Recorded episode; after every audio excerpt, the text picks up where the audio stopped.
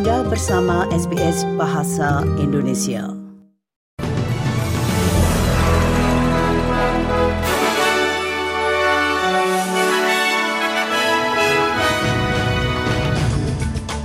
Sari berita untuk hari Minggu tanggal 2 Juli 2023. Perdana Menteri Australia yakin surplus anggaran akan bekerja mengatasi inflasi. responsible budget management in order to put that downward pressure on inflation. Night Dog Week tahun ini bertemakan For Our Elders. Our elders are our driving force, culturally, socially, and economically. They're everything. Baiklah pendengar, berikut ini kami sampaikan berita selengkapnya.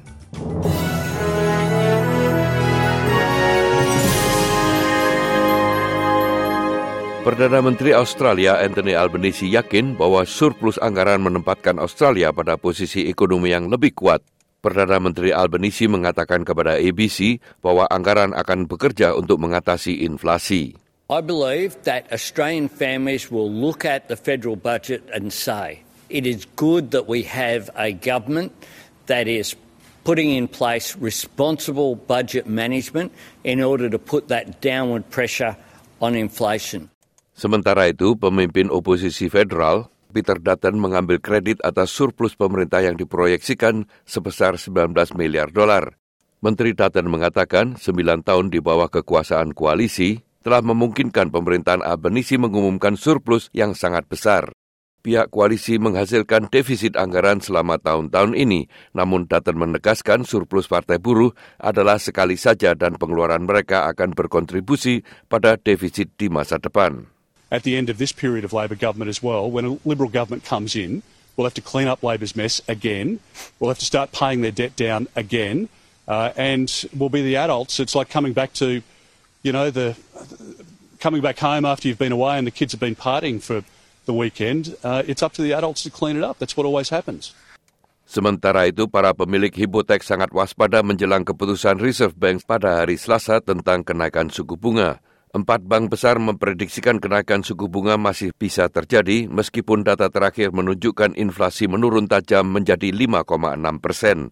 Direktur riset dari Red City, Sally Tindall, mengatakan kepada Channel 9, meskipun data menunjukkan orang masih berbelanja dan pengangguran telah menurun, tampaknya RBA akan menaikkan suku bunga lagi.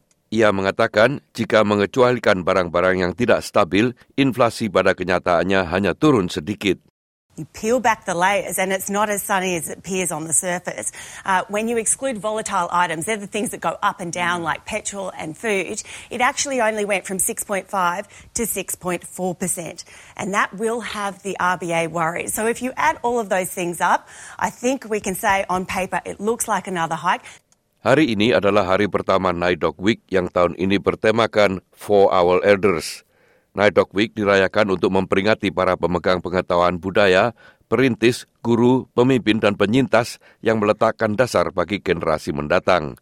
Dr. Lynette Relly adalah seorang wanita dari Wirajuri dan Kimila Roy. Ia adalah pejabat wakil ketua Komite Night Dog Nasional dan menjelaskan pentingnya tema tahun ini untuk menghormati para tetua. Our elders are our driving force, culturally, socially, and economically. They're everything. So for me, I'm being driven by what our elders have asked us to do in the past, what they're asking us to do now, and where they want us to be in the future. Panduan baru telah diluncurkan untuk membantu komunitas First Nations menjaga kesehatan mental mereka selama debat referendum suara untuk parlemen. Pamflet dan buklet online telah dilancarkan oleh Anti Diskriminasi New South Wales bekerja sama dengan First Nations National Crisis Line One Sri Yan.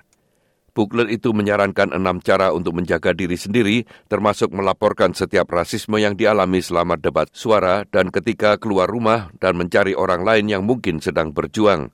Manajer nasional dari kelompok One Sri Yan, Marjorie Anderson mengatakan ini adalah sumber daya yang diperlukan. It is designed by, managed by, and delivered by Aboriginal Torres Strait Islander people for Aboriginal Torres Strait Islander people.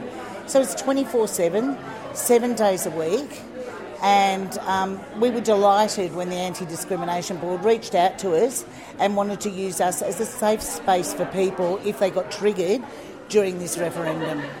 Sementara itu, pemimpin Partai Nasional David Littleproud sekali lagi mengungkapkan penentangan terhadap suara dalam parlemen dan mengatakan bahwa warga Australia lebih cenderung mendukung pengakuan konstitusi saja. Kampanye Yes meningkatkan pesannya selama pekan Naidok yang dimulai hari ini dan bermaksud untuk menampilkan orang Australia biasa, bukan selebriti, dalam iklan nasional mereka. Menteri Little Proud mengatakan ia tidak peduli dengan elemen kampanye, namun lebih pada apa yang mereka promosikan. Ia mengatakan kepada Channel 9 bahwa Perdana Menteri seharusnya fokus pada referendum untuk pengakuan konstitusional tanpa mempromosikan suara untuk parlemen. If this was just about constitutional recognition, we'd sign up. In fact, we'd be the first ones there. And I think the Prime Minister's got an opportunity to show leadership and courage to actually uh, step away from this and make it just about constitutional recognition. You only have to look at the polls. These divide the country. The opportunities here to bring us together. Let's make this about a set of words that actually gives the recognition that Indigenous Australians working want. And let's work towards closing the gap with the practical measures.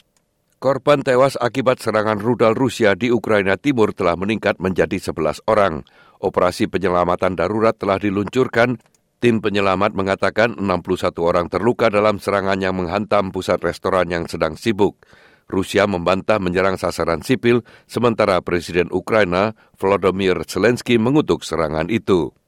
Sementara itu, negara-negara NATO Eropa Timur mengatakan aliansi militer barat telah siap mempertahankan diri terhadap ancaman apa pun yang akan ditimbulkan oleh pergerakan pasukan Wagner Rusia ke Belarusia. Demikian dikatakan oleh pemimpin Belarusia Alexander Lukashenko. Sementara itu, pemimpin oposisi Belarusia dalam pengasingan, Svitlana Sikhanovskaya, mencalonkan diri melawan Lukashenko dalam pemilu 2020 setelah suaminya dan saingan politik utamanya ditangkap.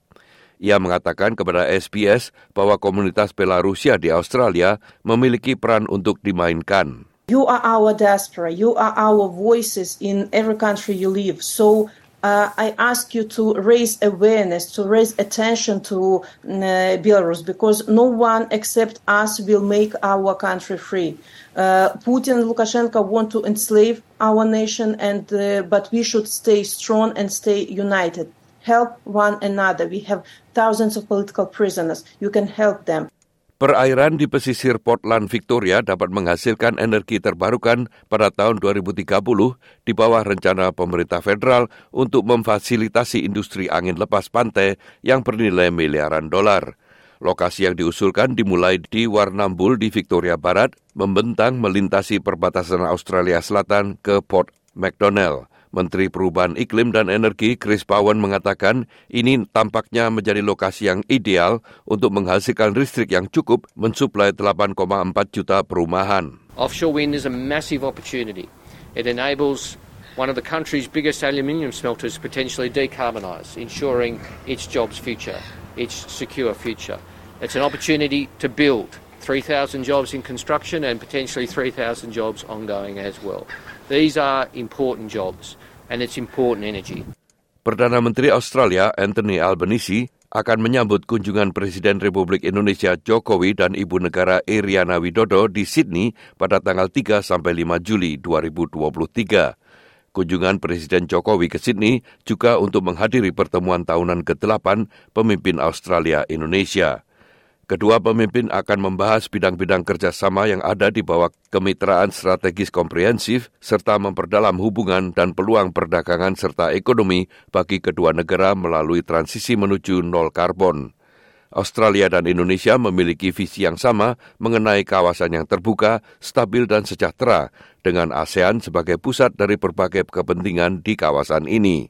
Australia menyatakan akan terus mendukung prioritas Indonesia sebagai ketua ASEAN 2023. Anda ingin mendengar cerita-cerita seperti ini? Dengarkan di Apple Podcast, Google Podcast, Spotify, atau di mana pun Anda mendapatkan podcast Anda.